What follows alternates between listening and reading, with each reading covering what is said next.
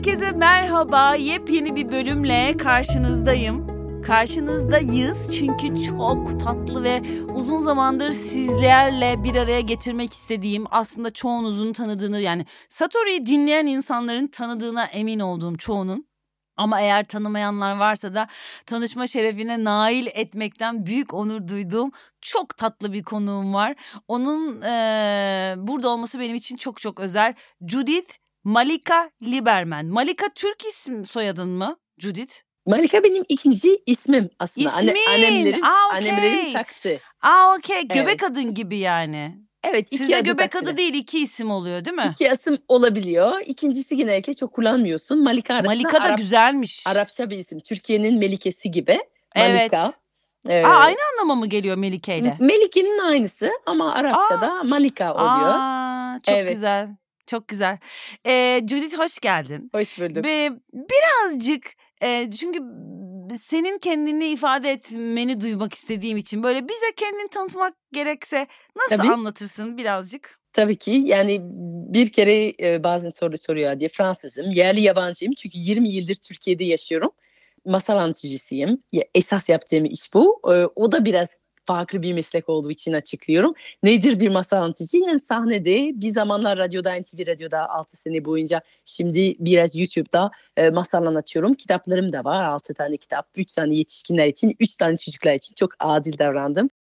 e, masallar paylaşmayı seviyorum ama aynı zamanda e, şimdi Türkiye'de 12 yıldan fazla masal anlatıyorum, paylaşıyorum, masal anlatıcılığı öğretiyorum ve bununla birlikte şeyi keşfettim. Masallar çok iyileştirici. Ve masallar o kadar iyileştirici ve o kadar inanılmaz bir tilsimi var. Benim üstümde de var. e, dinleyen üstünde var. Benimle birlikte anlatmaya, keşfetmeyi keşfedenlerin üzerinde de var. Yani bazı insanlar geliyorlar diyorlar ki "Aa, ben çocuklarıma veya sınıftaki öğrencilerime masal anlatmak veya e, toplantı odasında birkaç masallar veya bir sunum yapıyorum biraz daha iyi anlatayım derken geldim de böyle ne olmuşsa bana kendimle ilgili bir şey keşfettim. Yani insanlar şey diyorlar masal için gel terapi için kal gibi bir şey. Hayırdır neden bu masallar o kadar şifalı neden bu masallar o kadar açıyorlar bizi e, diye uzun zamandır konu içinde daldım. Zaten benim ilk kitabım masal terapi ama gerçekten buna inanıyorum. Çünkü gözünün önünde gördüm. Beni ceviz gibi açıyor e, ve başka Ya. insanlara da aynı şey yapıyor. Ve onunla birlikte şeyi e, merak eden bir insanım. E, simgeselin gücü, gücünü yani simgesel hayatı hayal gücünün yani hayal gücün gücü demeyelim zaten hayal bir güç yani E, ve onu ne kadar kuvvetli tutuyorsan neler mümkün kılabiliyor. Çünkü esas dünyada değişim getiren güç hayal bence. Yani önce hayal edersin sonra ge- getirirsin dünyada. Ve o yüzden masalcılar aslında değişim getirmeyi getirme yardım eden ebeler oluyor. Yani masalcı Hmm. olduğum zaman yani farkında olmadan aslında olayın içine girdim. Çünkü ben çocuk çocukluğumdan beri masal vardı hayatımda ve masalları çok seviyordum. Bunlar bana çok iyi geldiğini farkındaydım ama tam olarak bu ilaç nasıl üstümde çalıştığını bilmiyordum ama böyle bir şey oluyor ya her içtiğin zaman süper hissediyorsun, tekrar ediyorsun, paylaşıyorsun. İnsanlar da çok iyi hissediyor ama hayırdır neden masalları insanlara o kadar iyi geliyor? Bu benim için baş bir soru. Yani birçok cevaplarım var. Birçok çok cevaplarım var. Konuşuruz üstünde yani. Cevaplardan biri yani bizi bir araya getiriyor. Yani masal dinlemek için bir araya geliyoruz ve farklı bir şekilde bir araya geliyoruz. Birlikte transa giriyoruz, birlikte hayal kuruyoruz. Normalde yapmadığımız bir şey. Ama masallar hayal kurarak bizi iç dünyamıza, hassas yerlerimiz, yaralı yerlerimiz, biraz morar, morarmış yerlerimiz, duygusal dünyamızın içine dalmak için bir yol sunuyor. Aslında masallar bir kırmızı ip gibi ve onu takip ediyorsun ve takip ettiğimiz sürece kaybolmayacağımızı biliyoruz. Yani bu kırmızı ip takip ettiğin sürece ama içinde daldığın şey iç kaosumuz, bilinmezlik. Girmek istemediğimiz o Pandora kutuyu yani duygusal benliğimiz. Yani bir şey zannetmek isteriz yani rasyonel insanlarız. İşte yaptığımız şeylerin her şeyin bir mantığı var. Ama sonra son derece mantıksız şeyler yaparken buluyoruz kendimizi değil mi? Yani böyle şey diyoruz çok rasyonel ama değil yani. Ee, nedense plan yaptım, uygulamadım, işte karar verdim, olmadı. İşte e, neden ama o kadar çok isterken neden adım atmıyoruz? E, Çünkü orada yüzleşmediğimiz bir takım korkular var, yüzleşmediğimiz birçok duygular var. Masallar duygusal bir yolculuk sunuyorlar. Hmm. Ve onu hiç söylemiyorlar. Belki söyleseler yani söylesek gelin falan böyle bu çok duygularınıza dalmak için bir fırsat olacak. Kimse belki gelmez çünkü korkuyoruz duygularımızdan. Hı, Ama. E, orada konu sanki başka biri. Yani masallar olunca konu sanki sen değilsin. Konu çok uzaklarda, çok evvel bir zamanda kimsenin tanımadığı bir prenses, bir kral, bir yani masallar bilinmezlik perdelerini çekiyorlar. Yani mekan, zaman, kişi. Evet. Bir de gerçek olup olmadığını bile bilmiyoruz. Bir varmış bir yokmuş. Belki var belki yok. O yüzden bu dört bilinmezlik perdeleri çektikten sonra yani e, mekan, zaman, kişi ve gerçek olup olmadığını ne anlatıyoruz? Ben, sen, burada ama bahsetmediğimiz her şeyi alıyoruz. İşte kıtlık korkularımız, terk edilme korkularımız, karanlık ormanlarda e, kaybolduğumuz zaman hissettiğimiz bu derin öksüz duygusu e, ve onları üstüne düşünerek değil, onları yaşayarak, içinden girerek ve öteki tarafından çıkarak deneyimliyoruz. Ve bütün şifa burada yani gerçekten. Yani oturup bir sürü düşünebiliriz. Yani ben neden öyleyim? Evet çocukken annem öyle yapmıştı. Yalnız hissetmiştim. Yani sorunumuz anlamak çözmez. Sorunumuzu hissetmek ve bu duyguyla birlikte oturmak ve bu çaresizlikle birlikte kalmak ve o yol kavşağında kalmak. Yani bazen gerçekten çok çaresiz hissediyoruz yani sağ sağ ya da sol diyor toplum. Yani ya bunu ya şunu ve biz diyoruz ki yani ne sağ ne sol. Toplum diyor ki ama ya A ya B rasyonel bir insansın seçmen lazım. Bak e, pro con falan böyle iyi taraf kötü taraf diye hesaplayacaksın ve seçeceksin. Ama masal diyor ki sen yol kavşağında otur ve A bakarken neler hissettiğini bir gör. B bakarken neler hissettiğini bir gör. Bir orada dur. Bir kurtla sohbet et. Bir onun tavsiyelerini de bir al ve belki orada dururken o çelişkin ortasında. Yani bazen gerçekten ikiye e, ikiye yırtıyoruz. Yani iki uçlu bir çubuktan bahsediyoruz. Yani iki uçlu sevmediğimiz bir e, çubuktan bahsediyoruz. Diyoruz ki yani A de istemiyorum, B de istemiyorum ama karar vermem gerekiyor. Belki esas en zor şey istemediğimiz iki şeylerin arasında karar vermek zorunda kalmak. Bu duygu öyle bir, bile kal. Yani bunu hisset. Ve bazen kaldığımızda o alanda üçüncü bir, bir yol görüyoruz. Diyoruz ki aa Hı-hı. Az önce burada oturuyordum. Ve yoktu. Yoktu. Ama öyle kalman lazım. Masallar senin kalman için bir bir bahane veriyor aslında. Yani ve aslında masallarda çok örneği var. Yani örneğin e, en meşhuru Binbir Geceleri çok ilginç. Yani Binbir Geceler'de Şehrazat diye bir e, masal terapist aslında. çok ilk masal terapist. Çok kalbi kırılmış ve deliye dönmüş olan bir e, kral, bir sultan. Adam o kadar deliye dönmüş ki katil, seri katile dönüştü. Her gece bir kadın ö, öldürüyor. Hem sevilmek istiyor hem sevilmeyeceğini o kadar korkuyor ki. O kadar sevgiye layık olmadığını düşünüyor ki her gece evleniyor ve her sabah e, bir önceki gece sevdiği e, kadını öldürüyor. Çünkü bütün güven duygusu gitti adam. Yani sevmeyi riske almak istemiyor artık. Güvenmeyi riske almak istemiyor. O kadar güvenemiyor. Ve Şehrazat geliyor ve onu tam o noktada, tam o duygunun içine kalmasını sağlıyor. Nasıl sağlıyor? Nasıl bu sabırı sağlıyor? Her gece ona bir masal anlatıyor. Ve o masal sayesinde adam diyor ki tamam yani burada bu gece bir sürü şey hissettim. Bir gece daha kalabilirim. Bir gece daha. Yani orada kalıyor aslında. Neyle kalıyor? Hissettiği bütün zorluklarla. Ve oyalanmak için onu şeyle oyalamıyor yani kendi crush ile oyalamıyor. Yani biz gen- genellikle rahatsız olduğumuz zaman kendimizi uyuşturarak bir, e, sabır şey yapıyoruz. Diyoruz ki burada çok rahatsızım ama biraz böyle kendi crush yapayım, biraz Instagram akışına bakayım, biraz e, dizi izleyeyim. İçki evet, içeyim, bir, yemek yiyeyim, alışveriş bir, yapayım. Aynen yani çikolata falan geçirir falan böyle bu duygu falan bastır bastır bastır. Ama masal bastırmıyor. Masal diyor ki hisset. Ama kendin hakkında dan bahsetmeyelim. Başka bir insan hakkında bahsedelim. Ama aslında hem de güvenli o, de bir his bu ya. Başkası çok güvenli bir his. Iyi Aynen yani. öyle. Şey bu benim hakkında değil ya. Böyle şu an bir balıkçıdan bahsediyoruz. Bir şeyden bahsediyoruz. Durabilirim ama, burada yani. ama bahsettiğin herkes sensin. Herkes. Evet. O balıkçı da sensin. O öksüz kız da sensin. O çölün ortasından inanılmaz kızan cin de sensin. O hepsi sensin. Ve aslında iç dünyanın içindeki bütün seslerle ve bütün duygularla birlikte oturuyor. Bin bir gece boyunca. Ve bin bir gece boyunca böyle kal- kalan adam affediyor, iyileşiyor ve bin bir geceden sonra bir uyanıyor. Bir ailenin babası, çocukları olduğu e, iyileşti ve artık artık seviyor, artık bir aile Sevildiğine sahibi. inanıyor sevildiğini, güven güveni dönüyor ve artık olduğu krala gelebiliyor. Yani bunlar tabii ki hepsi simgesel masallarda bazen insanın şeyi çok kızıyor diyor ki ama kral neden kral yani neden prenses? Çünkü bunu bir hükümdar olarak bir politik pozisyon olarak görüyor ama mas masalda senin iç kraliyetinin kralı, hükümdarı. Hmm. Yani hepimiz içinde bir hükümdar arketipi var. Hepimizin içinde bir öksüz arketipi var. Hepimizin içinde bir prenses. Yani sonuçta birbirimizi söylemiyor muyuz? Yani demiyor muyuz? Aman şey ben bu kadar prenses olma falan. Yani ne, ne zaman söylenir işte ne bileyim ben bunu yemem, ben orada oturmam. Çok seçici olmak, çok en iyiye layık olduğunu hisseden bir tarafımız var hepimizin.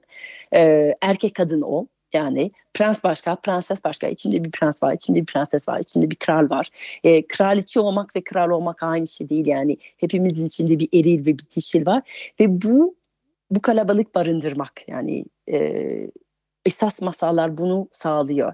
Anlaman gerekmiyor, hissetmen gerekiyor. O yüzden psikolojik sistemi diyor ki otur e, senin içindeki geçen tiyatro sana anlatacağım ve anlayacaksın. Ve oturuyoruz ve diyoruz ki ha artık neden öyle olduğumu anlıyorum ama davranışımda hiçbir değişikliği yok. Çünkü anlamak yetmiyor, hissetmek şart. Ve o yüzden ve o hissettiğin neyseyle yargısız bir şekilde oturmak ve belki masallar bize bunları hissetmek için bir tane proxy veriyor, bir tane aracı veriyor. Diyor ki sen değil balıkçı. Ve hmm. balıkçı ile birlikte empati içindeysin aslında. Senin içindeki bu enerjiyle empati duruyorsun ve bu empati birlikte hissetmek yani. Sen de o birlikte hissetmek derken aslında kendinle birlikte hissediyorsun. Oturuyorsun bu duyguyla ve ne kadar zor duyguların içinde demlenebiliyorsan Hı-hı. o kadar kayıp parçaların entegre etmeyi başlıyorsun, geliştirmeyi başlıyorsun. O kadar o birliğine geliyorsun, o kadar kendine barışıyorsun ve o zaman o kadar da çevrenle barışıyorsun. Ee, Soru, Peki sence soru bir neydi? insanın soru soru yok ya. Sorular hep sorular var, hep cevaplar var ve onların birbiriyle bağlantılı olmaları gerekli değil. Birinci soruya 55. E, dakikada cevap da verebiliriz yani. Senle yani bir insan şimdi mesela ben düşününce masallarla çocukluğumdaki iletişimin ötesine geçmiş bir tarihim yok. Ee, sen nasıl nasıl çalışıyorsun? Yani nasıl bir işleyen bir mekanizma var? İnsanları o zaman zaten eminim masallar aracılığıyla ve masalları anlatma aracılığıyla çok dönüşüme şahit olduğunu tahmin evet. ediyorum. Yani nasıl oluyor? Yani şöyle iki tarafı var. Yani ben bir masalla nasıl tanışıyorum? Yani zaten masalda bir üçgenden bahsediyoruz. Yani üç ilişki var. Yani anlatıcı masalla bir ilişki kuruyor. Anlatıcı dinleyiciyle bir ilişki kuruyor. Ondan sonra inşallah dinleyici ve masal arasında bir ilişki kurulur. Üçgen kapanır. Şimdi benim iki ilişkim var. E, sorumlu ol, olduğum. Biri masala olan çalışmam bir de dinleyiciyle olan e, tarafı var. E, ilk olan ben masal masallara gelmek benim için çok heyecan verir. Yani bir kere böyle bir tema belirlerim. Derim ki ya böyle bir önümüzdeki ay bir şey çalışacağım. Örneğin ge- geçen hafta bir masal gecem vardı bir grup için, kapalı bir grup için. Şey düşündüm yani ne anlatsak? Genellikle e, birçok insanlar şey söyler bana. Örneğin benim 5 yaşında bir çocuğum var veya benim e, birlikte çalışması gereken bir ekip var. Öyle bir ekibe ne masal anlatırız? Yani çok amaç dolu gidiyoruz. Ben de biraz şey seviyorum. Otururum anlatacağım insanları aklıma getiriyorum. Ve içinde bir sürü masal var tabii ki. Çünkü ben belki sahnede anlatım 900'e yakın masalları var. Yani çok fazla zaten. Ve anlatmadıklarımın da daha fazla okuduğum var. O yüzden böyle biraz böyle bir şey biraz böyle soda, soda şişedeki baloncuklar gibi yani. Böyle dibinden bir şey yukarıya aklıma gelmesinin hiç tesadüfi olduğunu düşünmüyorum. O yüzden bakıyorum sakin bir kafayla, bir yürüyüş, bir şeyle e, istemsiz bir şekilde gelen masal ne yani davet ediyorum yani ne anlatsam diyorum. Ve geliyor ve yani o kadar net geliyorlar ki yani diyorum ki Allah Allah neden bu masal bugünler hiç aklımdan çıkmıyor? Neden neden Şebnem'in bu masal anlatasım var ve bir bakıyorum ki aa doğru aslında buymuş anlatmam gereken veya buymuş dinlemem gereken. Tabii ki bu hiçbir zaman belli olmuyor. Bazen sana anlatmam gerekiyor diye bazen kendime anlatmam gerekiyor. Ağzıma yakın kulak benimki. Bazı çoğu zaman anlattıklarımız kendimize anlatıyoruz e, her şeyden önce. Ama o kadar şaşmıyor ki o kadar wow. e, o kadar güzel ve yani doğru masal derken tabii ki burada bazı insanlara şaş, e, garip gelebilir. Çünkü birçok insan şey düşünüyor masal dediğin işte kırmızı başlı kız zaten ne diyor? Bir kere çok masal var. Yani gerçekten dünyadan bu bahsettiğim halk hikayeleri yani bütün dünya dünyadan var ve aslında masallar ne tür temalardan bahsediyor? İşte e, terk edilmekten bahsediyor yol kavşağında durmak kara, zor karar vermekten bahsediyor ve aslında tam net bir şekilde bir mesajı yok. Hı hı. ama bir masal geliyor hallerden aklında, bahsediyor hallerden değil mi? İçinden öyle. geçtiğimiz hallerden bahsediyor ve bazen bir şey geliyor bana ve diyorum ki Allah Allah ya ne diyorsun bana ne diyorsun ya oturup bunu yazıyorum defterimi alıyorum bir şey diyorum. Hı hı. Yani masal diyebilirim. Ya sen bana ne diyorsun? Veya kendimi soruyorum. Burada ana karakter ne, ne, kimdir? Ya da ilgim çeken karakter. Yani şaşırtıcı olabilir. Baş karakter e, benim ilgim çeken karakter olmayabilir. Kraliçe Hı-hı. beni dokunuyor olabilir. Veya böyle yaşlı bilgi falan. O zaman derim ki ha, hayırdır yani yaşlı bilgi sen bana ne söylemeye geldin? Ve konuş, konuşmaya başlıyorlar. Yani biraz böyle e, skizofrenik bir durum gibi. Karakterler bir araya oturtabilirim konuşabilirim. Ve kadar güzel tabii ki benden çıkıyor. Yani farkındayım kalem tutan benim ama aynı zamanda öyle bir çalışma yaptığım zaman kalem tutan benim bilinçli olmayan bir bilinçli olmadığım bir bir, far, bir bir tarafım. Yani bilmediğim şeyler söylüyorlar. Ve bu çalışmayı hem kendime gelmek için yani bir masal neden anlatasın var bilmem hoşuma gidiyor. Hem evet. de e, bunun sayesinde masal farklı anlatacağım. Örneğin masalda Tabii. bazen bir şey oturmuyor bende. Bir soruyorum karaktere. Diyorum ki e, neden ata çekip e, binip e, vazgeçmeye vazgeçtin ve gittin yani neden babanla yüzleşmedin orada ve o orada bana bazen bana böyle bir cevap veriyorlar ki şey diyor aa anladım o zaman o zaman sen böyle bir karaktersin aslında daha ve onu geri anlattığım zaman o karakteri farklı anlatıyorum. Ona farklı bir diyalog yapıyorum. Ee, ve büyük bir fark var çünkü büyük bir eşleşmişliği oluyor. İçinde bir masal anlattığım zaman bu masalı taşıyabilmem için e, ona imza atmam gerekiyor. Yani ben masalları ezberlemiyorum, bulduğum metinleri kullanmıyorum, masalları e, yeniden anlatıyorum ve yeniden anlattığım zaman her şey değişiyor. Yani iki sayfalık bir bir masalı benim benim 45 dakikalık bir e, gösteriye dönüşebilir. Uydur uyduruyor musun? Uyduruyorum tamamen. Yeni, yani yeni şeyler de ekliyorsun. O tabii ki tabii ki ama olay örgüsüne eklemiyorum. Yani belli bir olay Hı-hı. örgüsü var. Aslında masal anlatıcılık bir doğaçlama sanatı ama şey diyoruz Hı-hı. çerçeveli bir doğaçlama sanatı. Yani ne Hı-hı. olacağına Hı-hı. yani Oradan başta böyle iki kişiler olacak. Oraya gidecekler, bunu diyecekler, bununla karşılaşacaklar. Böyle olacak. Yani temel falan böyle duraklar var. Performans A- sanatı da öyle. Yani bir protokol var. Protokolü uygulayacağım ama o protokolü yaparken başıma neler geleceğimi ve orada neler olacağını bilmiyorum. Şey gibi ya trende biniyorsun. İşte şey e, bu Doğu Express, Doğu, Doğu Express çok şey yani bütün hmm. duraklar biliyoruz yani mutlaka bu garlardan hmm. geçeceğiz. Hmm. Ama treni biliyoruz çünkü şey düşünüyoruz hmm. yani o trende hmm. kimlerle karşılaşacağım, hangi diyaloglarım olacak, ben neyi fark edeceğim, hangi manzara, hangi anı fotoğraf çekeceğim, ne yiyeceğim. Bir sürü farklı şeyler değişebilir ya. Masal... Masallar gerçekten sahneye geldi. Aslında bizim konuşacağımız konu başkaydı ve ona da geçeceğim, onu da konuşmak istiyorum ama şeyi gerçekten merak ettim. Yani ne oluyor? Sen bir toplulukla, kapalı bir grup ya da bir bireyle ya da bir takım insanlarla bir araya geliyorsun. Onlara işte işte iki sayfalık masalı 45 dakikada anlatıyorsun. Onlar da hiç katılmadan seni dinliyorlar. Formu merak ettim. Yani Sonra sohbet mi ediyorsunuz? Yok. E, onlar hiç katılmadan e, gibi görünüyor. Yani hiç konuşmadan ama masal anlatıcı bir diyalogtur. Konuşan ve konuşmayan iki tarafı olarak hep şey diyorum. Esas onlar en çok katılıyorlar. Çünkü e, çok az şey gösteriyorum. Onlara bir takım e, çift kelam veriyorum ve üstünde bir dünya inşa etmeleri gerekiyor.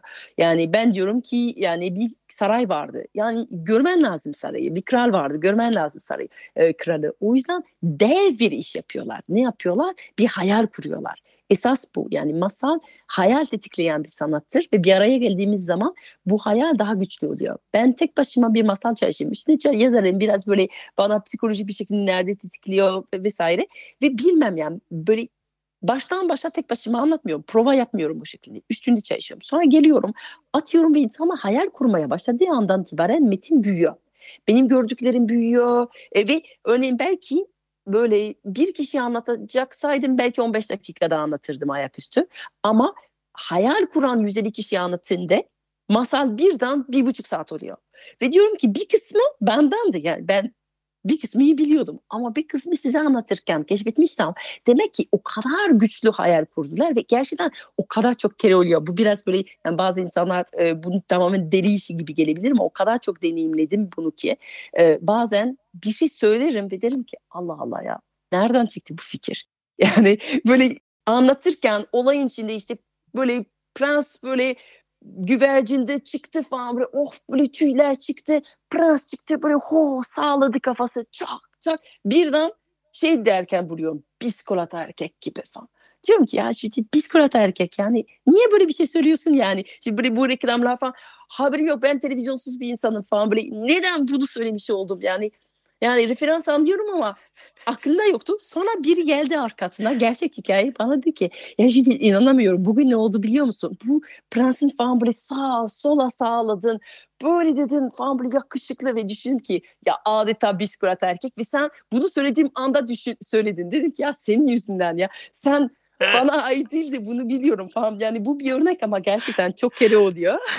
Ee, bazen de çok ba- iyiymiş. bazen de bir insan bir masal çekebileceğini düşünüyorum. Yani bir kere örneğin bir sahnede başka bir masal anlatırken birden hmm. e, uzun zamandır anlatmadığım bir masal anlatırken buluyor, buldum kendimi. Değiştirdim programı. Hadi ben aklıma bu geldi ve çok güçlü bir şekilde bu masal anlatmam Aa. gerektiğini düşündüm. Ee, ve sonra bir kadın dedi ki bu gece olan şey size anlatmam gerekiyor çünkü çok acayip dedi. Ben sizi duymuştum ve duyduğum zaman anneme söyledim. Yani böyle bir kadın var masal anlatıyor sahnede falan. Annem hemen şey dedi. Acaba ninenin unuttuğumuz masalı bilir mi?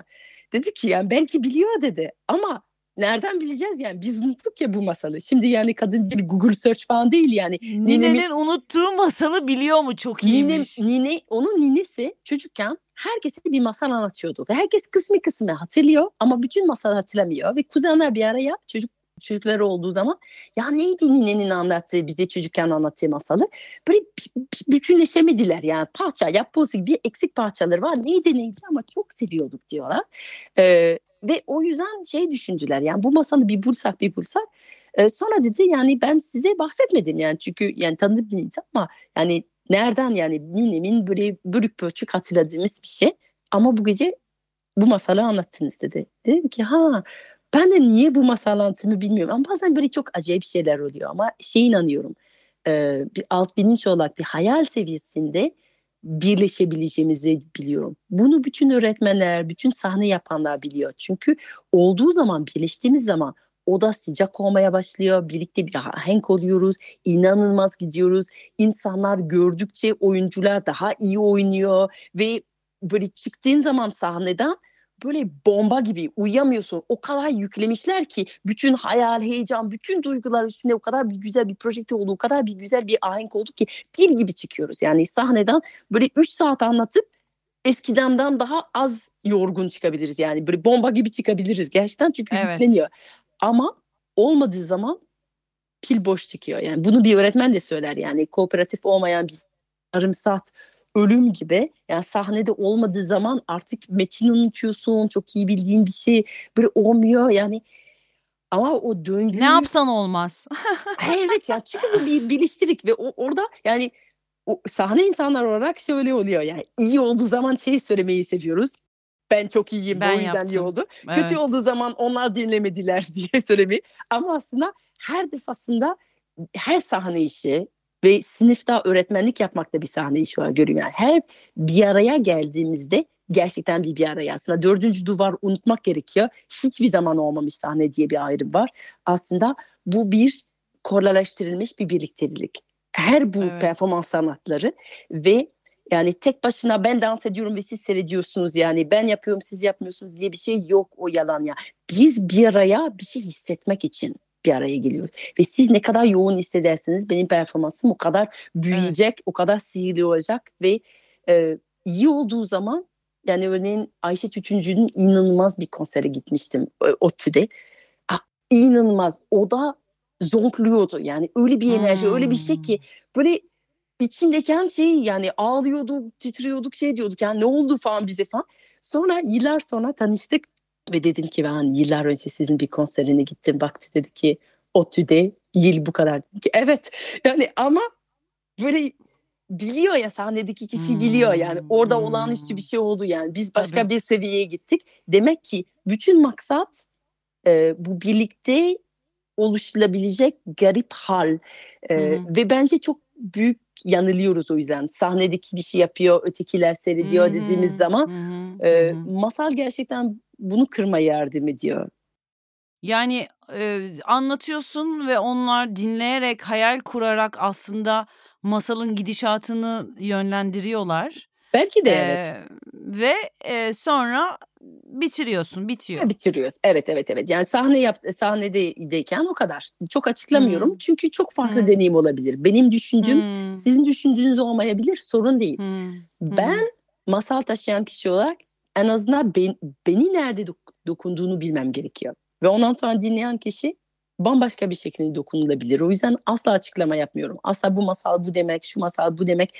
Başka insanlara söylemiyorum. Çünkü onlar için başka bir şey demek olabilir. Ama ancak yani ben çoğu zaman bu ara söylemedim de yani çoğu zaman yetişkinleri anlatıyorum. Ara sıra da çocuklar anlatmışlığım var ama. Çoğunlukla benim, yetişkinler ama Evet yani yüzde doksan falan böyle yetişkin bir e, dinleme dinleyici kitlem var.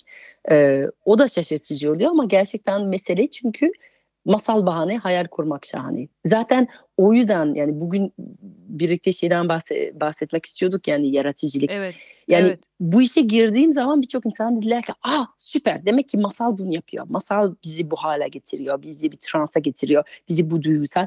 Bir şey oldum aslında değil yani gerçekten masal değil yaratıcılık maksat. Hmm. Yani ben hmm ben yaratıcılığın farklı farklı yani masala gelmeden önce seramik yapıyordum. İşte bir ara hmm. da, az önce yani program başlamadan önce konuşuyorduk yani yoga yaptım yıllar boyunca. Yani hmm. biz çok farklı şeyler. Ben dokumacı bir komün içinde büyüdüm ve e, şey mak maksatı vardı bizde yani üretirsin. Yani dokursun, bitkiyle e, yün boyarsın, sepet örersin, işte kapı tamir edersin, e, şeyler resim çizersin. Yani ama bunu hiçbir zaman böyle ha, ki sergin olsun, ki konserin olsun, ki şey yok yani bu bir yaşam biçimi olarak yani böyle çocukların biz böyle biraz serbest gezen çocuklardık. İşte böyle e, bir sürü kostümler vardı bir kutu içinde giderdik falan böyle kendi kendimize oyun yapardık falan. Şey önemli değildi yani bu oyun sergilenmesi, görülmesi, alkışlanmasından çok e, bu oyun daha bulunmak, içinde olmak falan gerçekten ve şimdi masal anlatıyorum ama daha önce seramik yapıyordum ama daha önce e, yarın masal anlatmayabilirim. Başka bir şey hmm. yapıyor olabilirim. Hmm. Bu beni hiç e, rahatsız etmez. Hiç rahatsız etmez ama mutlaka bir şey üreteceğimi biliyorum. Belki hmm. yazı yazarım, belki dans hmm. ederim, belki tekrar yogaya giderim, belki aşçı olurum. E, hmm. Ama hmm. olmasa olmaz bir sanat değil. Yani bir sanat gerçekten bir bütün, bir parçası gerçekten. Tutku ile gireceğimiz bir alan olması gerekiyor ve bu alan Hı-hı. bize bir şey hissettirmesi gerekiyor. Özellikle bence bu Pandora kutusun açmamızı sağlaması gerekiyor. Ee, ve o çalışmalar yani hem masal anlatıcılık öğretmek hem de yıllardır yaratıcılık e, inzivalar yapmaya başladım. Çünkü e, şey memnun değildim. Sadece yani masal anlatıcılık dersleri verdiğim zaman sanki işte bak bakınız ben bu işi yapıyorum sahnede. Siz de gelebilirsiniz ve sahnede bu iş yapabilirsiniz. Sanki bu sanat öğretmenin veya öğrenmenin amacı bir meslek edinmek. Yani biraz böyle sanata hmm. meslek gibi yaklaşıyor olmamız bence e, kutuya koymak istemedin onu. Bir kutuya koymak olacaktı ya, onu. Garip bir şey. Aslında sanat bir meslek değil yani. Bazen hmm. e, yani şey gibi yani yürümek bir meslek olmadı gibi. Bazı insanlar belki yürümek onların işi olabilir veya bisiklet sürmek onların işi olabilir ama insan dediğin işte bir yerden bir yere gidecek ve bunu koşarak, yürüyerek, bisikletle yapacak. Ama her defasında hmm, güzel bisiklet biliyorsun. Belki kurye olabilirsin, bisiklet kurye veya belki yarışçı olabilirsin. Yani hemen bunu bir mesleğe dönüştürmeyi düşünmüyoruz. Diyoruz ki bisiklet sürüyorum. Çünkü hem A'dan B'ye gidiyorum hem çok iyi hissediyorum bunu yaparken. E, sanat da öyle. Yani ben işte küçük resim çiziyorum. Hem böyle doğum günü kartları yapıyorum. Hem de çok iyi hissediyorum yaparken. Orada kalmaz insan der ki ama resim çiziyorsan o zaman işte ressam olmalısın Sergi. veya Evet bir keşfedelim ya. Ya yeteneğin var ve devam edersin ya yeteneğin yok ve bırakırsın. Sanat e, kendi sırf böyle bir hayatın bir parçası olarak barındıramıyoruz. Çünkü bir inançımız gelişti yani. E, iyi olanlar var. Onlar profesyonel olur. Onlar sahneye çıkarlar, şarkı söylerler. Ama eğer gerçekten bir yeteneğin ve bunu dev tırnaklarınca bir yeteneğin yoksa o zaman şarkı söyleme. Ancak duşta. Çok küçük bir kapalı bir kutuda kimsenin duymayacağı bir şey. Ama bence herkes insanlarla birlikte belki de haftada bir şarkı söylemeli yani böyle bilmiyorum onun sıklığı nedir yani böyle rakılı rakısız falan böyle bilmiyorum duşta duşta değil bisiklette sürerken yani bu ses çıkmalı dans edilmeli yani biz öyle varlıyız yani dans eden şarkı söyleyen e, resim çizen yani e, süsleyen, püsleyen yani böyle duvarlarımıza belki boya sürmemiz gerekiyor. Renklerle bir ilişki olmamız gerekiyor. Yani farklı farklı ifade olabilir. Yani belki bu bir atkı seçmek olabilir. Farklı bir giyinme olabilir bir kişi için. Acayip değişik benim yeğenim olağanüstü makyajlar yapıyor. Yani çok böyle bir yüz tasarım falan gibi bir şey oluyor. Benim öteki yeğenim inanılmaz bir aşçı. Herkes hemen dedi ki aa sen pastacılık seviyorsun. Yani 8 yaşında bir çocuk evde ekler yaptığı zaman tabii ki herkes şey düşünüyor. Sen pastacı olmak istersin. O da diyor ki yok ben bunu asla meslek olarak düşünmüyorum. Ben bunu evde yapmaya seviyorum.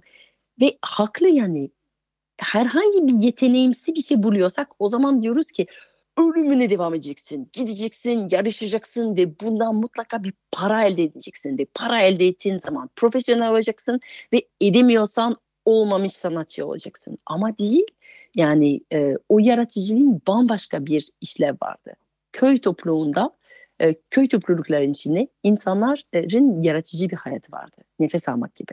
Yani köylü evini tamir eder, çatısını e, tamir eder yaratıcı bir şekilde. Malzeme varsa malzemeyle yoksa uyduruk malzemeyle bir çözüm buluyor. Onu bir şekilde kaşığını oyar. İşte kaşıklar tık tık tık tık falan böyle bir ritim tutar. Üstüne böyle bir hop hop hop biraz dans etmeye başlar. Türküsünü söyler. Belki bağlamasını kendisini yapar. E, veya kendisini tamir eder. Ve onunla birlikte meslek olarak yaptığı olan tarım da yapıyor. Ama tarımın kenarında belki arıcılıkla ilgilenir hobi olarak. Yani şey yok yani bu benim hobim, bu benim mesleğim değil. Ben hayatta bir insanım ve meraklı bir insanım ve deniyorum, yapıyorum, üretiyorum, karıştırıyorum ve bunun içinde beden de var. O yüzden şarkı da var, ses de var, e, duygu da var, ağlamak da var bunun içinde. Yani oyunlar da var. İşte köy kültüre gittiğimiz zaman acayip yani tekerlemelerinden tut fikralara falan böyle çok daha fazla masallar da anlatılıyordu e, ateş başına. Bütün bunlar yani yok yok kurgu var, ses var, beden var, e, üretim var, e, iyileşme var, şifa var. Hepsi var. Sonra o kadar profesyonelleştik, o kadar uzmanlaştık ki hepimizin tek bir şey. Yani senin işin şifasa doktorsun, böyle öğreteceksin, bu okuldan gideceksin, böyle bir şekilde doktoru yapacaksın, beyaz bir önlük giyeceksin, bu ofiste duracaksın, görüşmelerin e, 10 dakika maksimum sürecek, böyle ilaçlar verecek. Yani her şey çok netleşti. İşte işin oyuncuysa o zaman bir sahnede oyunculuğu yapacaksın. Öyle bir şekilde yapacaksın. Başka biri oyunlar yazacak. Sen onları arayacaksın. Öyle ezberleyeceksin. İnsanlar böyle girecek. Fiyatlar bu, bundan buraya gidecek. Koltuklar kırmızı olacak. Her şey çok ritüelleştik ve her şey çok fixlendi. Ve bir insan duvarları biraz kırıp şey diyorsa ben bir aşçı e, oyuncu tarım artı bisiklet kuryeciyim falan. Sen diyecekler ki hangisinden para kazanıyorsun? E, bisiklet kuryeci. O zaman sen kuryesin falan. Ötekiler hani kesinlikle böyle şey yani. Yani neyinden para kazanıyorsan. Yani yıllar önce Kelebek Vadisi'nde gönüllü e, olarak çalışıyordum. Krep çeviriyordum. ODTÜ'de öğretim görevliyken yazları öyle geçiriyordum. Sonra böyle kenarda da biraz resim çiziyordum. Sonra insanlar benimle geldi falan resim çizmeyi. Duvarlarda falan şeylerde resim çiziyordum. Taşlarda resim çiziyordum. Sonra bir kız geldi dedik ya seninle böyle resim çizmiştik, boya yapmıştık. Unutmamak için bu taş üstüne bana bir kelebek yapar mısın? Kelebek yaptım. Kız gitti. Giderken birkaç insanlara gösterdi. Birden masamda falan kuyruk var. Herkes taş üstünde bir kelebek istiyor. Kelebek boyadım da boyadım, boyadım da boyadım. Sonra bir tane amca vardı Mahmut amca. Onun bir sahaf vardı Kelebek Vadisi'nde ama sahaf şey yani bir hamak var, bir raf var ve bütün gün böyle değişik kitaplar bazen satıyor yani böyle ama e, yani çok ilginç değişik bir sahaf. değişik bir sahaf kesinlikle yani bir raf bir hamak yani böyle rüya bir e, işlet, işletme. Bana dedi ki ya biliyor musun ya senin bu taşların bence bir tane potansiyel görüyorum burada yani. Benim dükkanıma koyayım. Şimdi tabii ki onun hamak ve rafa dükkan diyor olması o kadar hoşuma gitti ki tabii ki hemen onunla birlikte bir girişime girmek istedim. Çünkü yani müthiş bir e, e, böyle nedir bilmiyorum. Oluşum. Yani. Oluşum aynen öyle. Dedi ki yani kartlarımız iyi oynarsak dedi. Akşam sana bir bira, sana bir şarap bana bir bira çıkar. Dedim ki gerçekten Mahmut amca yani hedefleri falan zirveyi çok yüksek koyuyorsun ama haydi gidelim yatırım zayıf girelim bu işe. Girdik ama o kadar çok para kazandık ki anlatamam sana. Şimdi birden e, ilk defa ben yıllardır resim çizmiştim ve sergilerim olmuştu, şey olmuştu çok daha fazla. Ama şimdi kelebekler taş üstüne boyayarak hiçbir zaman o kadar para kazanmamıştım sanattan. Şimdi şimdi mi sanatçı olmuştum? Hayır sanatçı olmamıştım. Sanatçı ama artık para varsa profesyonelsin ya.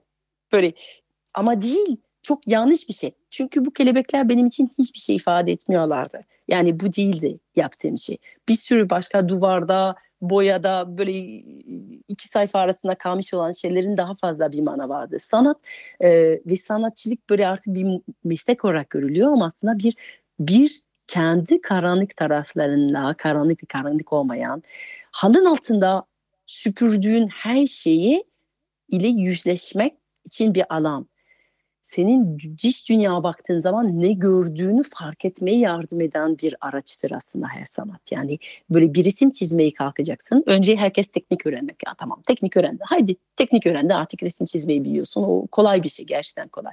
Zor nedir? Ne çizeceğim? İnsan diyor ki ben bir resim çizeceğim de ne çizeceğim? Bütün maksat o. Seni bu dünyada bu hayat deneyim denilen şeyinde seni dokunan şeyi çizeceksin. Ama bilmiyorum çizeceğim Aa, o zaman etrafına bak.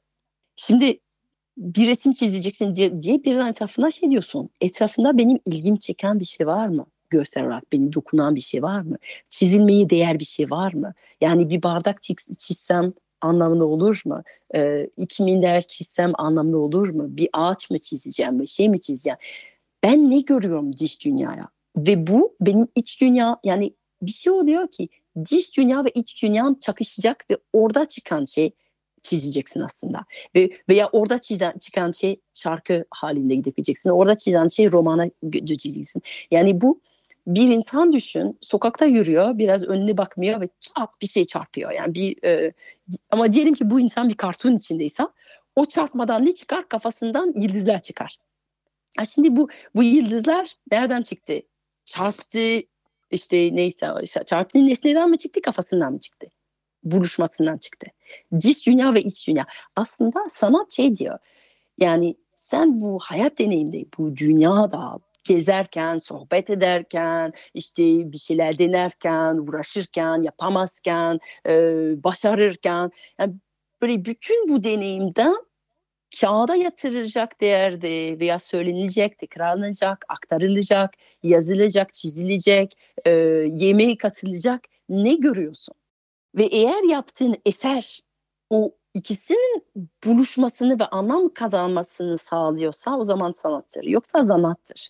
Yani e, bazen çizen diyoruz eğer çok pahalıysa sanat, eğer çok ucuzsa sanat yani böyle biraz böyle şey ama değil zanat teknik odaklı bir şey. Yani bazı e, resimler var çok pahalı olan resimler. Bence zanat çünkü sanatçı 30 yıldır aynı şeyler çiziyor. Ve artık hmm. bir dük- dükkan oturtmuş. O bir Hmm. E, artizan yani böyle hmm. dört hmm. ağaçlar hep aynı şekilde yapıyor. Belki ilk yaptığı zaman onun için bir sanat ona bir ifade ama artık dükkan burada oturmuş insanlar bu, ondan bunu istiyor diye hep aynı şey çıkartıyor.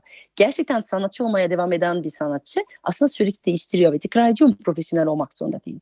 Şimdi hmm. benim sorunum o ki öyle bir profesyonel amatör veya profesyonel bir dünyanın geri kalan arasında bir duvar inşa ettik. Bu kapitalist sisteme dedi ki herkes uzmanlaşacak. Tamam mantıklı yani bazı şeyler işte eğer sadece tarım yapıyorsan daha iyi işte yatırım yaparsına göre arsa alırsın falan uzmanlaşırsın. Herkes uzmanlaşacak. Doktor uzmanlaşacak şey. Ama sanat dışında tutulmalıydı.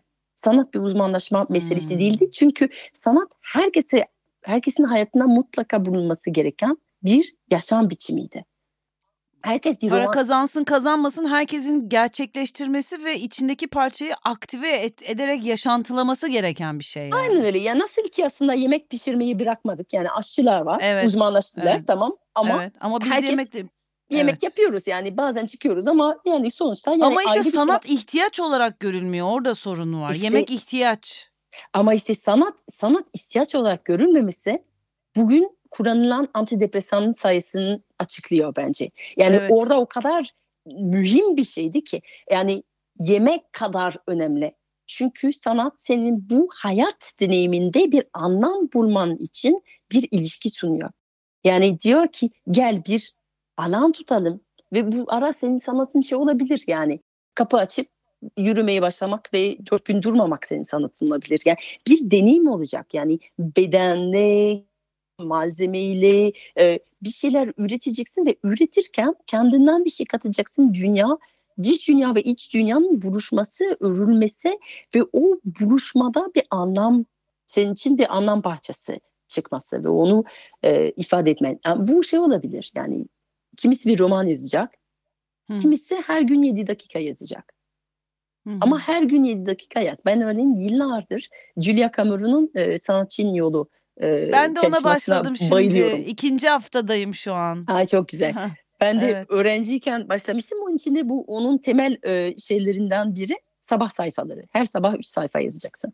Şimdi üniversitedeydim 20 yaşlarında yani 23 yıl önce. E, 23 yıldır sabah sayfaları hayatımda var. 23 yıldır her evet. sabah. Her sabah değil. Atladığım, yapmadığım çok zamanları oluyor ama e, ama çoğunlukla düşmeyen bir e, bir şey yani kasa kasa hmm. kasa kasa hmm. E, hatta her taşındığım zaman falan böyle defterler yani uzun zaman tutuyorum onları ondan sonra diyorum ki taşırken. Okumuyorsun değil mi? Hiç okumuyorum. Hiç okumuyorum hmm. ama çok zor atıyorum. Atıyorum da zor atıyorum yani çünkü gerçekten 3-4 kasa dolu defter olur yani bugün. Uyan, uyanır uyanmaz genel olarak değil mi? Her zaman genel değil. olarak. Yani normalde Hı. Julia Cameron'un kuralı bu. Yani sabah sayfaları uyanır, uyanmaz. yazarak Hı. bir kalemle bilgisayarla değil uyanır uyanmaz 3 sayfa Hı. yazacaksın diyor. Ve bu 3 sayfa musluk açacak. Ee, Şimdi o üç sayfalar geri okumayacaksın. İstersen A4 bir kağıt al onu bir zarf içinde koy ve sonra hı hı. at.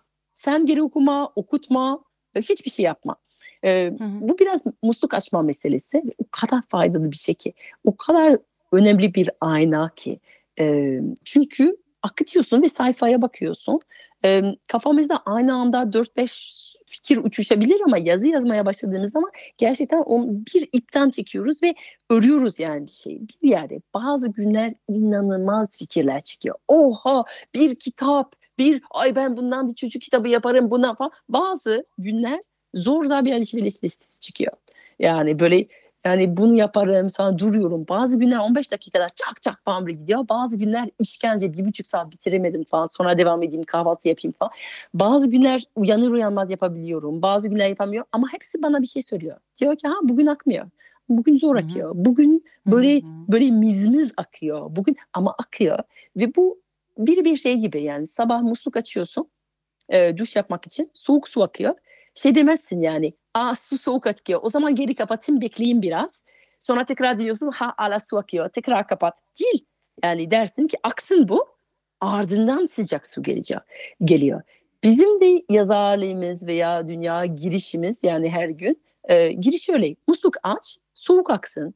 Alışveriş listesi, mizmizlik, işte şey falan. Ancak bunun ardından yani bu kaftanın ardında e, başlayacak böyle isinmaya, fikirler gelmeyi ve reddetmeden, yargılamadan e, kullanmak yani hep böyle her şey kullanmaya çalışıyoruz yani böyle insanlar küçücük bir hikayecik yazıyor bir köşede bir hikaye yazdım hemen böyle yayıncıları haber salsın falan böyle bu kitabın falan böyle milyonlar satıyor. Yok ya böyle beklentisiz üret yaz bir tane çocuk hikayesi. Onu bir tane e, kutuya at bir daha okumamak. Sonra yaz yarın bir tane yaz daha bir tane yaz daha. Yani Anais'nin diyor ki e, hayal bir uçurtma gibi.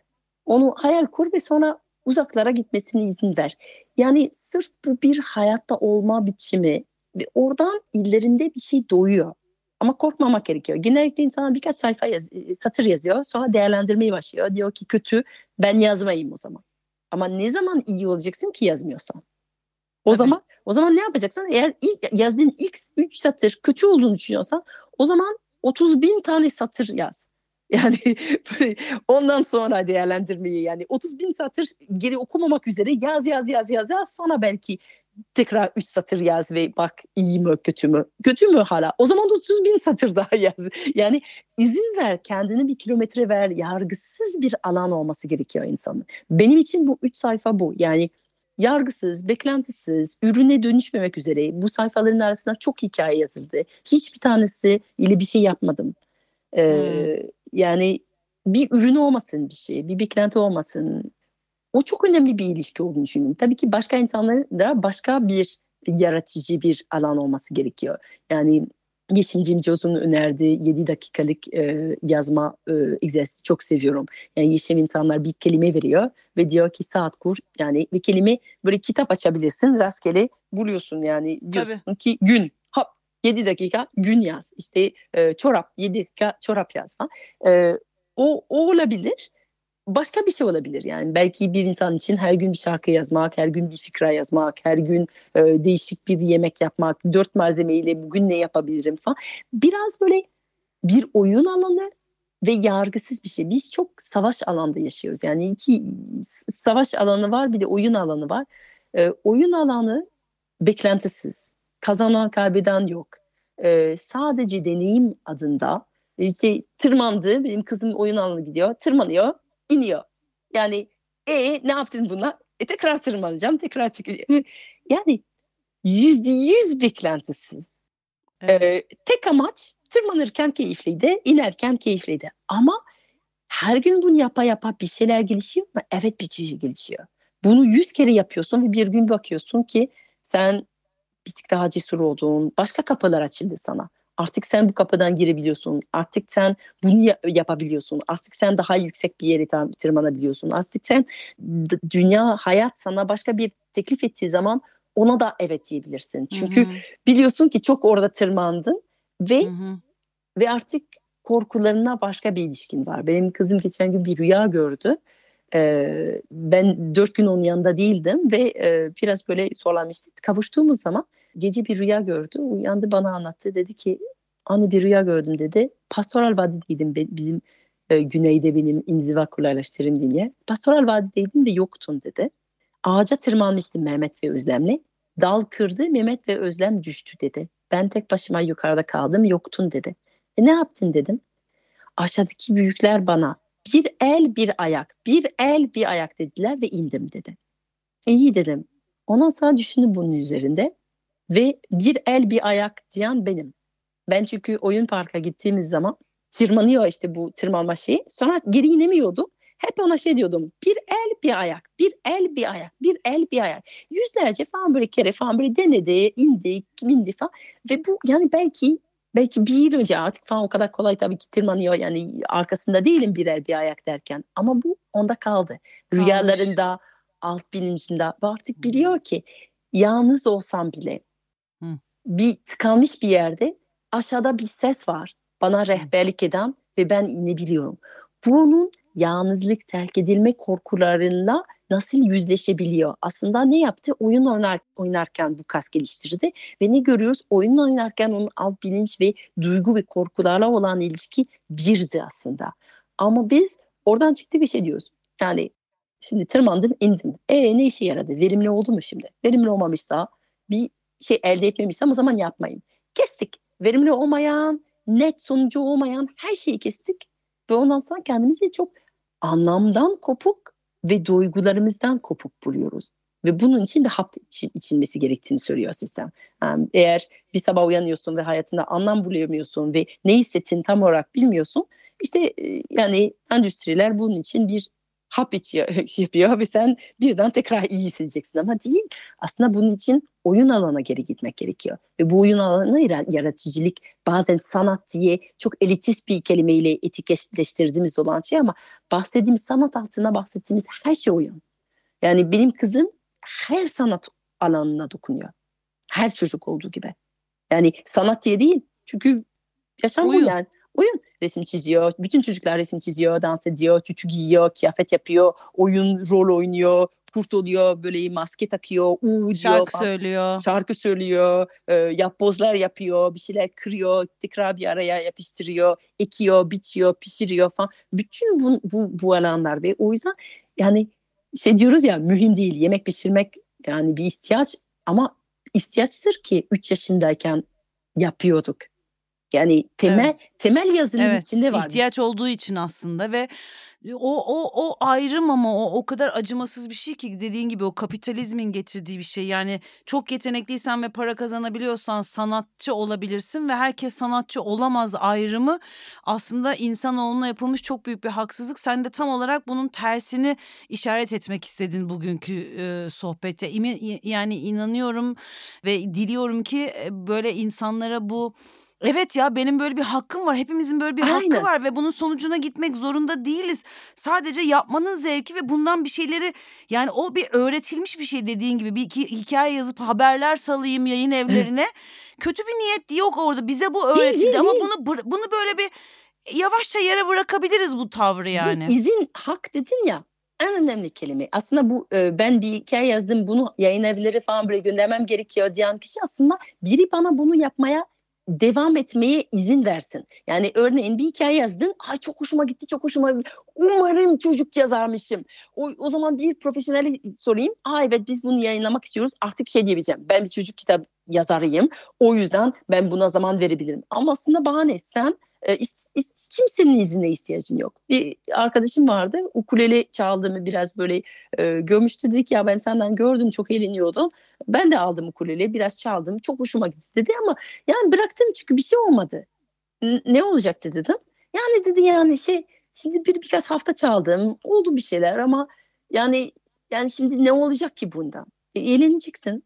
Yani o kadar yani o kadar. O kadar. Ama, ama bu eğlenmek o kadar da değil. Çünkü aslında gerçekten işin içine girmek istiyorsan e, eğleniyorsan o zaman daha cesur olursun, daha fazla riskler alırsın, kendi esnekliğin yeniden keşfedersin. Nasıl gözüktüğünü önemsemezsin. Bir sürü şeyler çünkü. aşarsın. Aynen öyle. Kendine daha fazla barışırsın. Böyle halının altında süpürdüğün nice nice hakkım yok. Ben küçüğüm. Ben yetersizim. İşte başka insanlar, ünlü insanlar yapar. Ben yapamam falan böyle. Bütün bunları ile falan yüzleşirsin, barışırsın. Bir sürü zincirleri kırarsın. Hiç fark etmeden, hiç üstüne düşünmeden. Sadece falan böyle 15 akorla kaç tane şarkı uydurabilirim e, sorusuyla e, kendine gelebilirsin ve böyle bu bir terapi.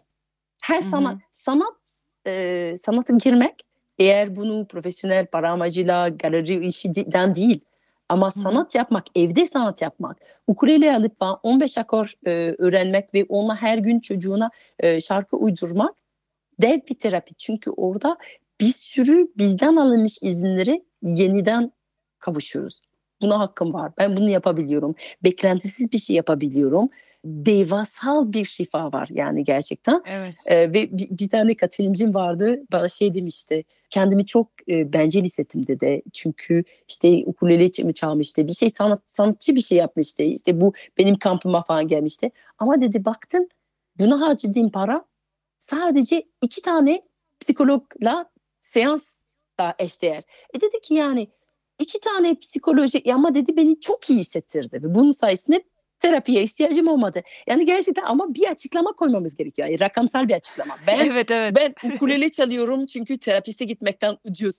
Ee, yani bence buna bile gerek yok. Yani terapiste Yok. git, gitmiyorsan bile yine de ukulele çalabilirsin ama gerçekten gerçekten terapetik bir etkisi olduğunu düşünüyorum. Tabii ki terapi ayrıca ihtiyacı olan insanlar e, gitmeli. E, onu ona hiçbir şey demiyorum.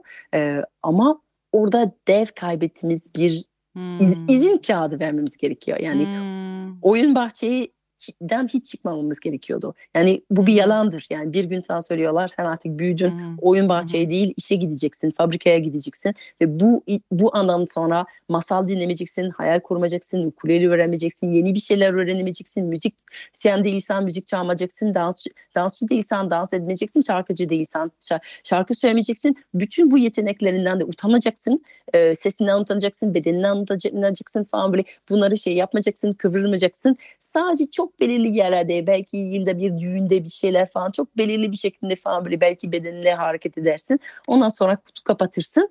Yani bu bu gerçekten hasta bir toplumun tarifisi benim için. Evet. Evet. Evet. İlk tanıştığımız akşam sana bir şey söylemiştim. Unutmadığını düşünüyorum. Belki de unuttun o yüzden tekrar edeceğim. Herkes bir e, frekans bu dünyada ve ben senin yaydığın müziği çok seviyorum Judith. Gerçekten.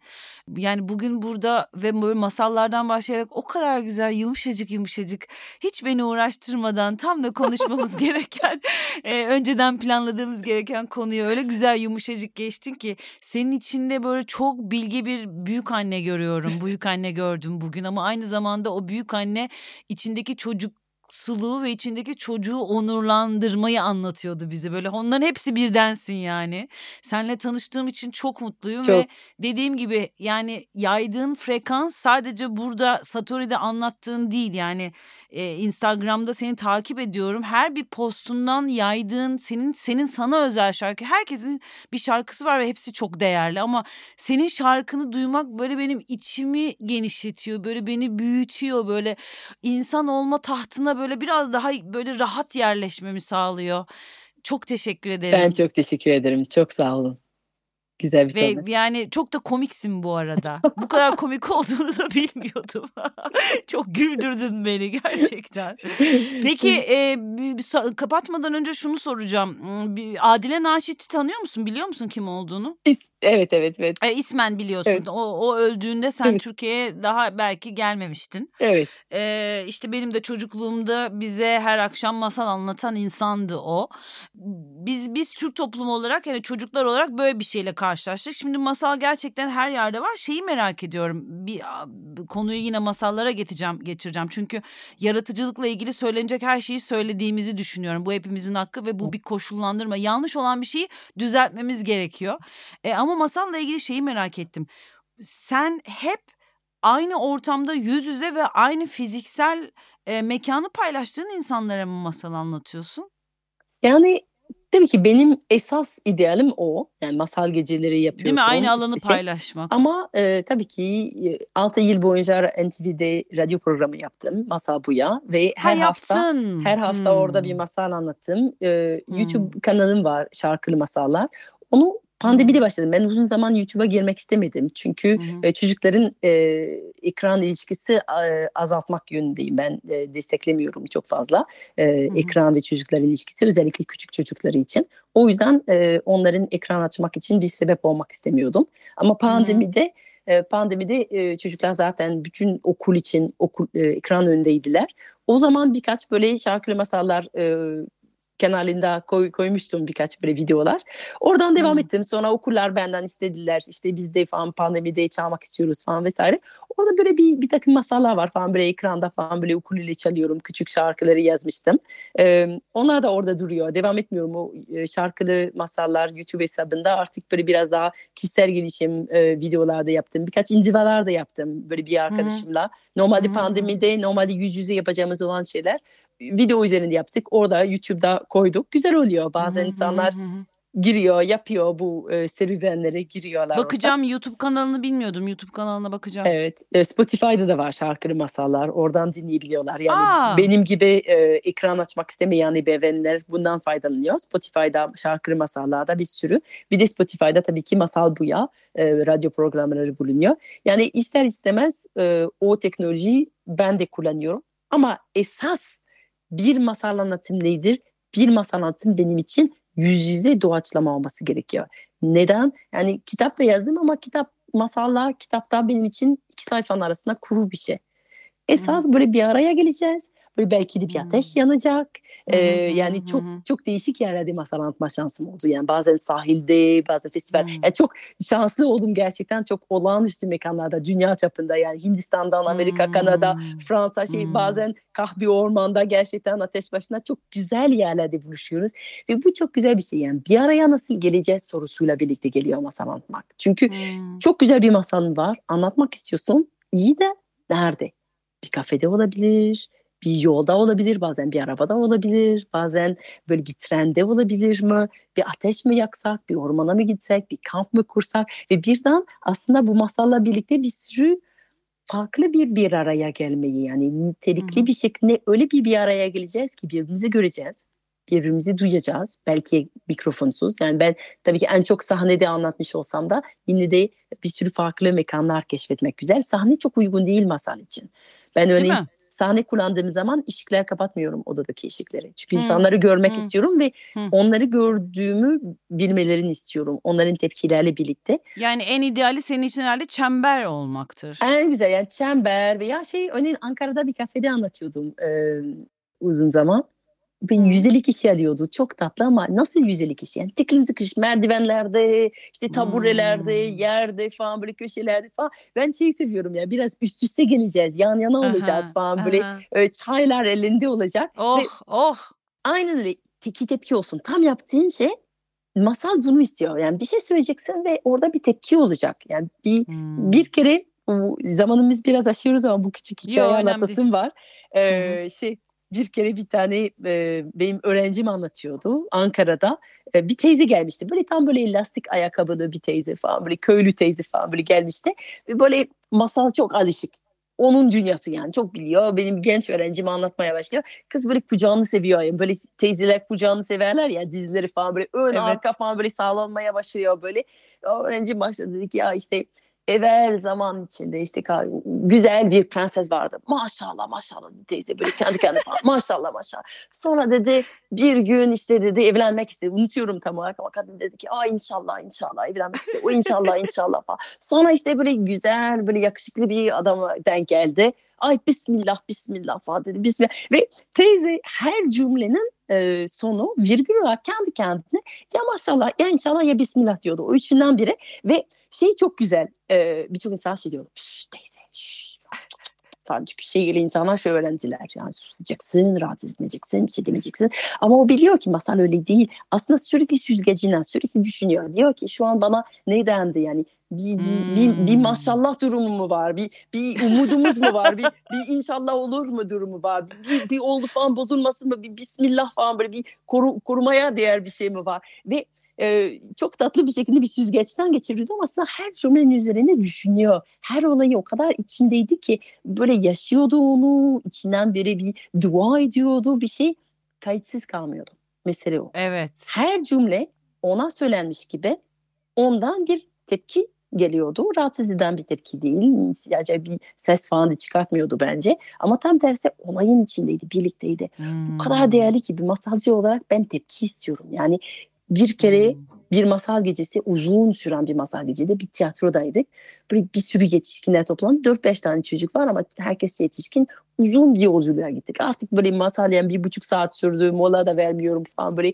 Böyle döndük artık. Bitiyor yani böyle ben biliyorum son iki dakika ama böyle örtü geri geldi ve tekrar başlangıçta örtü uzaklara uçmuştu. Tekrar rüzgar geliyor ve tekrar örtü gidiyor. Ve orada aslında bitecek yani masal. Örtü falan büyüyecek ve böyle bir şey olacak, bir sihir olacak.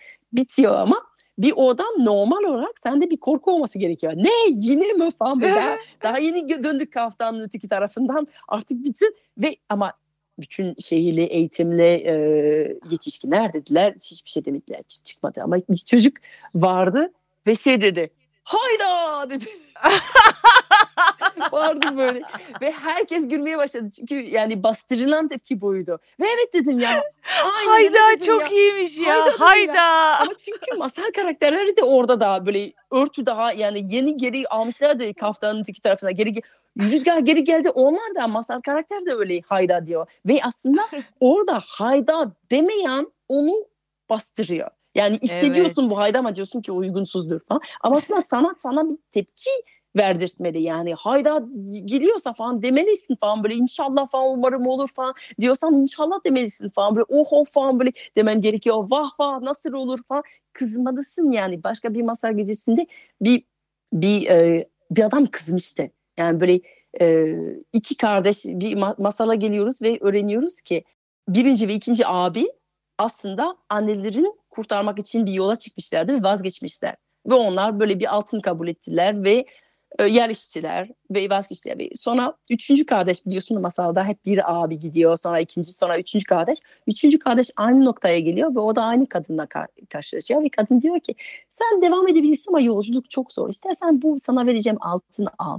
Abilerin bunu kabul ettiler. Yan kasabada yerleştiler. Hayatlarına gittiler. Annen yaşlı, onun hayatı bitti. Vazgeç onu. Ee, onlar kabul ettiler dediğimde bir adam şey dedi.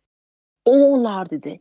E şöyle Böyle, o nasıl olur dedi. Anneleri hasta dedi. Nasıl bırakırlar? Nasıl ama nasıl bırakırlar? Nasıl? Herkes ya şşt ya manyak mısın falan, şşt falan. Herkes onu susturmaya çalışıyor. Ya diyorum ki ya güzel kardeş çok haklısın. Onlar da tam söylediğin insanlardır. Yani gerçekten nasıl bırakırlar? Yani bunu duyduğun zaman bu adamın verdiği tepki doğru çünkü bir tepkidir. Her tepki doğru yani. Yani şok ol, kız. E, zaten masal o yüzden var yani. Böyle şey de yani olmaz kardeşim yani olmaz kız hayda de üzül inşallah falan diye. Yani zaten bu bir araya gelme sebebimiz birlikte olmam olmayan olmamış bir var bir yok. Yani tam var ve yok arasında olan bir dünya hayal edeceğiz ve orada yaşadığımız hissettiğimiz ve günlük hayatımızda ifade etmediğimiz hissetmeye cesaret etmediğimiz bütün duygular bunun üstünde projekte edeceğiz ve bu duyguları göreceğiz içine gireceğiz öteki tarafından çıkacağız ve daha daha bütünleşmiş bir şekilde çıkacağız. Yani e, masal o yüzden seviyorum. Wow, wow, Judith günümü aydınlattın gerçekten. Gerçekten inanılmaz, inanılmaz. Vallahi bilmiyorum başka bir konu eğer böyle masaya gelirse lütfen bir daha gel. Doymadım sana. Tamam Çok mı? teşekkür Aklına ederim. böyle şu konu hakkında konuşmak istiyorum dersen çok çok mutlu olurum. Ben çok teşekkür ediyorum Ben davetimi teşekkür kabul ettiğin için Judith. Kendine çok, Çok iyi ol. bak. Çok sevgiler. Sen de kendine çok iyi bak. Görüşürüz.